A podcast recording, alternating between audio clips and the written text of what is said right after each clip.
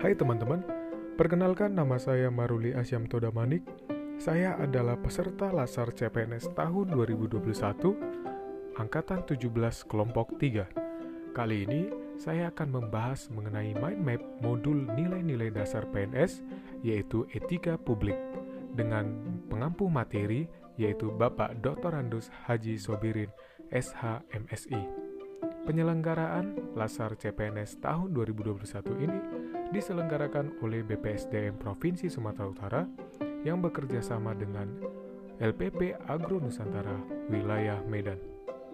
Nah, langsung saja kita akan membahas mengenai mind map modul nilai-nilai dasar PNS etika publik. Mind map ini dimulai dari pendahuluan yaitu yang berisi mengenai kompetensi dasar dan indikator keberhasilan. Selanjutnya, kegiatan belajar dimulai dari kegiatan belajar satu, yaitu kode etik dan perilaku pejabat publik yang berisi uraian materi yaitu pengertian etika, pengertian kode etik, kode etik aparatur sipil negara, nilai-nilai dasar etika publik, definisi dan lingkup etika publik, dimensi etika publik, tuntutan etika publik dan kompetensi, perlaku pejabat publik. Selanjutnya, pada kegiatan belajar kedua, yaitu tentang bentuk-bentuk kode etik dan implikasinya, dengan uraian materi, yaitu yang pertama, pentingnya etika dalam urusan publik, penggunaan kekuasaan atau legitimasi kebijakan, konflik kepentingan, sumber-sumber kode etik bagi aparatur sipil negara, implikasi kode etik dalam pelayanan publik.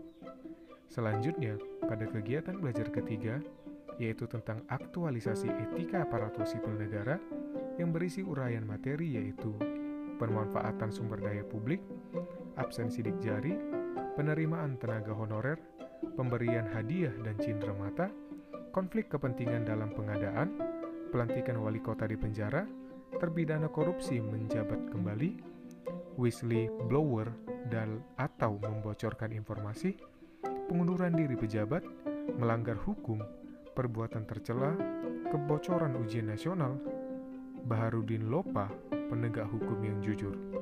Baiklah, itu saja mengenai mind map modul dari nilai-nilai dasar PNS Etika Publik. Semoga teman-teman dapat memahami. Terima kasih.